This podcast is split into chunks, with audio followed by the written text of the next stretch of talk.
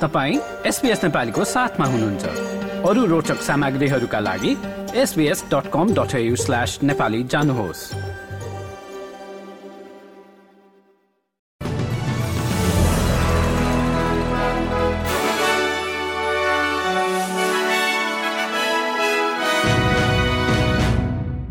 नमस्कार। आज शुक्रबार दुई फेब्रुअरी सन् दुई हजार चौबिस। अब पालो भएको छ एसपीएस नेपालीमा आजका प्रमुख अस्ट्रेलियन समाचारहरू सुन्ने।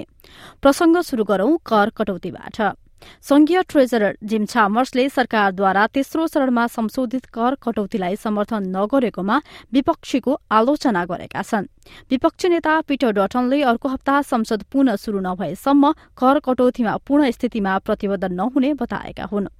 यता टास्मानियाका प्रिमियर जेरेमी रकलेफले लारा अलेक्जेन्डर र जोन टकरलाई अल्टिमेटम जारी गर्दै उनीहरूको माग अनुसार सरकारले काम नगर्ने बताएका छन्। त्यसको सट्टा तोकिएको समयभन्दा अघि नै चुनाव गर्न सकिने प्रिमियर रकलेफले बताएका हुन्। अलेक्जेन्डर र टकर गत वर्ष लिबरल पार्टी छोडेर स्वतन्त्र सांसद बनेका थिए।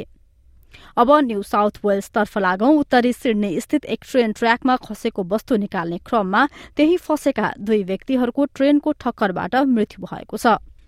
बरोडाको रेलवे ट्र्याकमा आफ्नो सामान निकाल्ने क्रममा एकतीस वर्ष माथिकी महिला र बीस वर्ष माथिका पुरूष बिहिबार मध्यरातमा त्यहाँ गएको न्यू साउथ वेल्स प्रहरीका डेपुटी कमिश्नर मेल लायन्सले पुष्टि गरेका छन्। सोही समयमा एक सामान बोक्ने फ्लाइट ट्रेनको ठक्करपछि पारामेडिक्स बोलाइएको तर उनीहरूको घटनास्थलमा मृत्यु भएको बताइएको छ।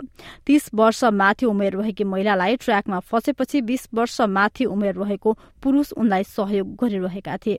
सोही क्रममा उनीहरूलाई ट्रेनले ठक्कर दिएको हो। त्यस्तै नर्थ क्विन्सल्याण्डको टाउन्सभिलमा भएको एक दुर्घटनामा परेका घाइते चारजना किशोरलाई अस्पताल लगिएको छ। दुईजनाको अवस्था गम्भीर रहेको छ। क्विन्सल्याण्डका प्रहरी सिनियर सार्जेन्ट ड्यारेन रान्डलले प्रहरी अनुसन्धान जारी रहेको च्यानल सेभेनलाई बताएका छन्।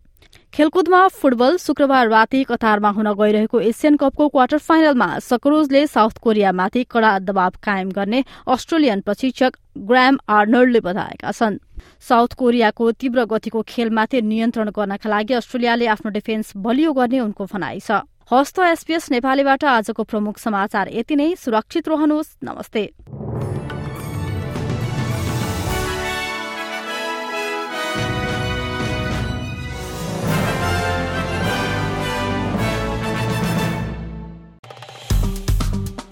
लाइक सेयर र कमेन्ट गर्नुहोस्। एसपिएस नेपालीलाई फेसबुकमा साथ दिनुहोस्।